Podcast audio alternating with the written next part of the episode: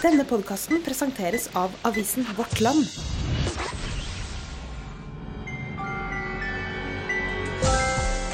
Dette er Søndagsrådet med Bjørn Sørheim Kveseth. Velkommen til en ny episode av Søndagsrådet, hvor jeg sitter alene i studio i dag og skal gi deg et av de beste klippene fra vårens podkastsendinger. I klippet du skal få høre i dag, så er det noen som er litt frustrert fordi de har et barn som bare vil legges av mamma. Gjest i studio det er Gaute Brekken fra Kirkelig ressurssenter mot vold og seksuelle overgrep. Stian Aarebrot fra Etter Kristus og Mai Helen Høyer Jorheim, som er psykolog. Er dere klare for uh, første spørsmål? Skal vi bare gå i gang? Yes. Det er en uh, person som skriver. Vi har en datter på fem år som er redd for å bli lagt av andre enn mamma. Hun virker trygg i hverdagen ellers, men når klokken nærmer seg 19, bør mamma være der for å legge, ellers blir det tårer og savn. Mammaen i huset jobber en del kveld, så 50% av kveldene er det pappaen som legger. Det hender også det er litt overnatting hos besteforeldre eller tante, og da også kommer underleppa med jevne mellomrom. Utenom legging er hun ikke spesielt mammadalt, kanskje mer pappadalt faktisk. Dette har holdt på i tre år og kommer og går. Vi har prøvd å møte henne på flere måter, både med å distrahere og ved å anerkjenne følelsen hennes helt uten grenser. Vi har også forsøkt å lage kalendere hun kan følge med på for å se når det er mammakveld og når det er pappakveld, uten at dette fungerer. Vi har også forsøkt å ha like rutiner begge to over lengre tid, så det ikke skal være noen forskjell på legging, samt at vi har prøvd det helt motsatte. Hvordan møter man et barn som savner mamma akkurat klokka 19? Denne familien her høres ut som de har prøvd det meste. Mai Helen, har du noe gode råd til dem? Stakkar. Det, det, det høres ut som de har prøvd ganske mye. Eh, og jeg syns det er litt vanskelig å, å, skulle si også noe konkret når man ikke, ikke vet mer enn dette her, da. Men det, jeg tror det er veldig gjenkjennelig for veldig mange, det å, å styre med, med, liksom, med legging. Med, med, en sånn mammagruppe på Facebook. Og hver dag så er det folk som, som, lurer på råd, og vi har prøvd alt mulig. Og for unger er jo veldig forskjellige, så det er vanskelig å gi sånn fasit da, på hvordan det er med legging. Eh, men jeg blir jo litt sånn opptatt av hva eh, det som ikke har med leggesituasjonen å gjøre. Det er kanskje litt sånn typisk for psykologer, vi skal alltid snakke om noe annet enn det det egentlig handler om. Så det er ikke meninga å, å, å, bli sånn, men jeg tenker jo er det eh, Handler det, dette om leggesituasjonen, eller handler det om noe annet? På en måte Som bare gir seg uttrykk akkurat i leggesituasjonen. For det høres ut som de har analysert veldig masse rundt den leggesituasjonen og prøvd veldig masse knytta til det. da. Så spørsmålet er på en måte hva, hva annet er det? Altså Bare slenger jeg ut liksom noen litt sånn tanker. Men det, det er det jo sånn at det som skjer i leggesituasjonen er uttrykk for noe annet? Er det sånn at hun egentlig savner mamma til resten av tida, f.eks. Og så er det lett å komme da når man er litt trøtt. Da, da blir alt litt ekstra vanskelig. Det, ja.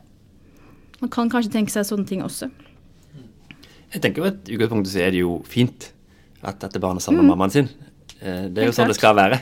Eh, altså Det viser jo at de har en, eh, en god kontakt og en trygg relasjon. Og jeg tenker sånn at Det er jo kanskje fristende å tenke at å, det er så lettvint med barn som forholder seg likt til alle voksne. Men det er jo ikke helt bra hvis et barn ikke skiller mellom sine egne foreldre og andre voksne? For det viser jo at det er noe med den tilknytningen ja, det er litt, som ikke er Det er litt fint også, egentlig, det at eh, man liksom er opptatt av, eh, av mamma når hun ikke er der. Det, jeg tenker jo egentlig det. Men er det ikke like godt å ha pappa der, da? Jo, men kanskje at det, at det er annerledes, eller at det, ja, barn er forskjellige. Sånn. Det kan godt være at det er like kjipt når pappa ikke er der, men kanskje ikke det uttrykkes på samme måte, f.eks. Det kan jo også være. Mm. Ja, altså En tanke som jeg fikk i møte med dette, er jo eh, sant, handler det om at en sånn redsel for at mamma ikke kommer tilbake igjen. Mm. Eh, hvis hun ikke forstår hvorfor mamma, hvorfor mamma, ikke er der på kvelden, og, eh, og, på en måte ikke forstår at etter jeg er lagt, så kommer jo mamma hjem. Mm.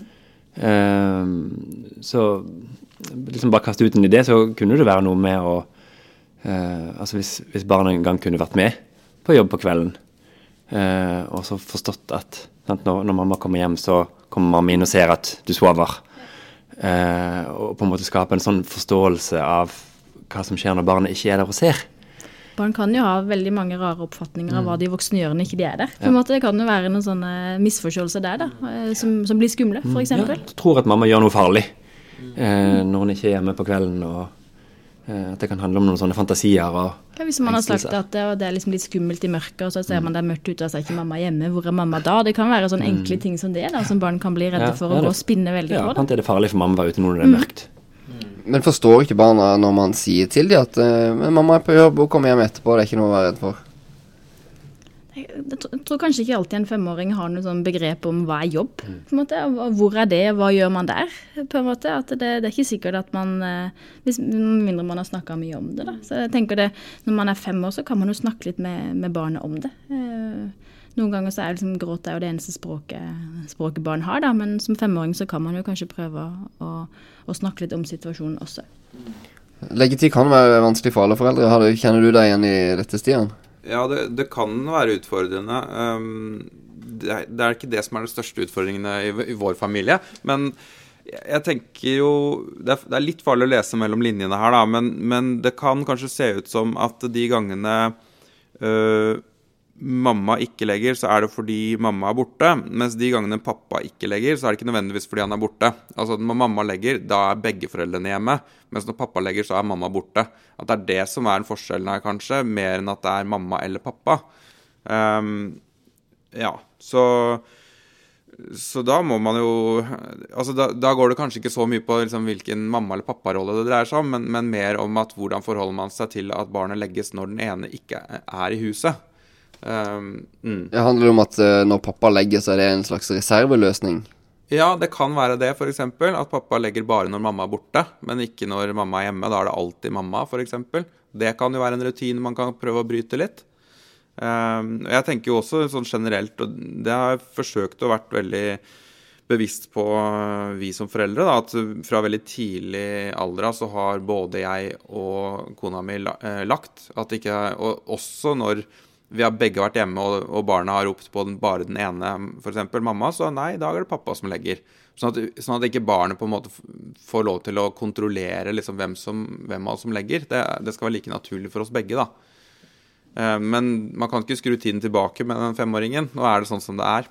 Og da tenker jeg også at det kanskje eh, Det er litt vanskelig å se på selve spørsmålet, men det er jo også forskjell på om barnet gråter litt fordi mamma ikke er der, og om det har slått seg totalt vrangt og liksom har eh, tegn på nærmest angst da, for at mammaen ikke er der. De to situasjonene er veldig ulike hvordan man skal håndtere, vil jeg tro. Mm. Litt, litt, gråt er liksom OK. Ja. Om man syns det er litt trist, så ja, OK, det, sånn er livet. Noen ganger er livet litt trist. Mm. Og det kan jo, Hvis man er usikker på sånne ting, så er det sånne ting som man veldig gjerne kan spørre om på helsestasjonen og på en måte drøfte med noen andre, da, uten at man trenger å lage så veldig stort apparat rundt det også. og høre litt, eh, litt det da. Og Det litt, det blir jo kanskje også litt på sida, men, men uh, man kan liksom lure på om vi er, vi er så utrolig opptatt av å, beskytte, av å beskytte barna våre, at de aldri skal oppleve noen ting som er vondt. Så vi blir veldig sånn, reagerer veldig fort på barnets gråt, og det skal vi jo gjøre når, når barnet gråter også. Men det som du sier, er det, hva slags type gråt er det? Er det liksom bare en, en nesten liksom fin protest på at jeg skulle ønske mamma var her? her, eller har man gått virkelig lås og, og kjenner liksom angsten stiger? Det er egentlig veldig forskjellig, da. Så det er helt OK å grine litt? Jeg tenker Vi skal ikke være så redd for at barn gråter litt. Det er, det er den måten de kan uttrykke på at ikke de ikke har det greit. Og Så får vi voksne prøve å, respondere på det. Og, og, Det blir jo ekstra viktig at den pappaen eller den som legger barnet, er veldig trygg i den leggesituasjonen og oppleves eh, liksom, trygg og god for barnet. da. At man ikke blir sinna eller liksom eh, eh, ja, sier at barnet må ta seg sammen, men å anerkjenne det også. Og for barnet at eh, det skjønner at du gjerne skulle hatt mamma her nå, ikke sant. Og ikke, ikke møte det med så veldig mye motstand, for man blir jo litt irritert og frustrert når barna ikke vil sove alltid. Hvis du har lyst til å høre resten av denne podkastepisoden, så kan du gå inn på søndagsrådet.no. Der finner du både den og mange andre. Og så er vi tilbake med et nytt klipp neste uke.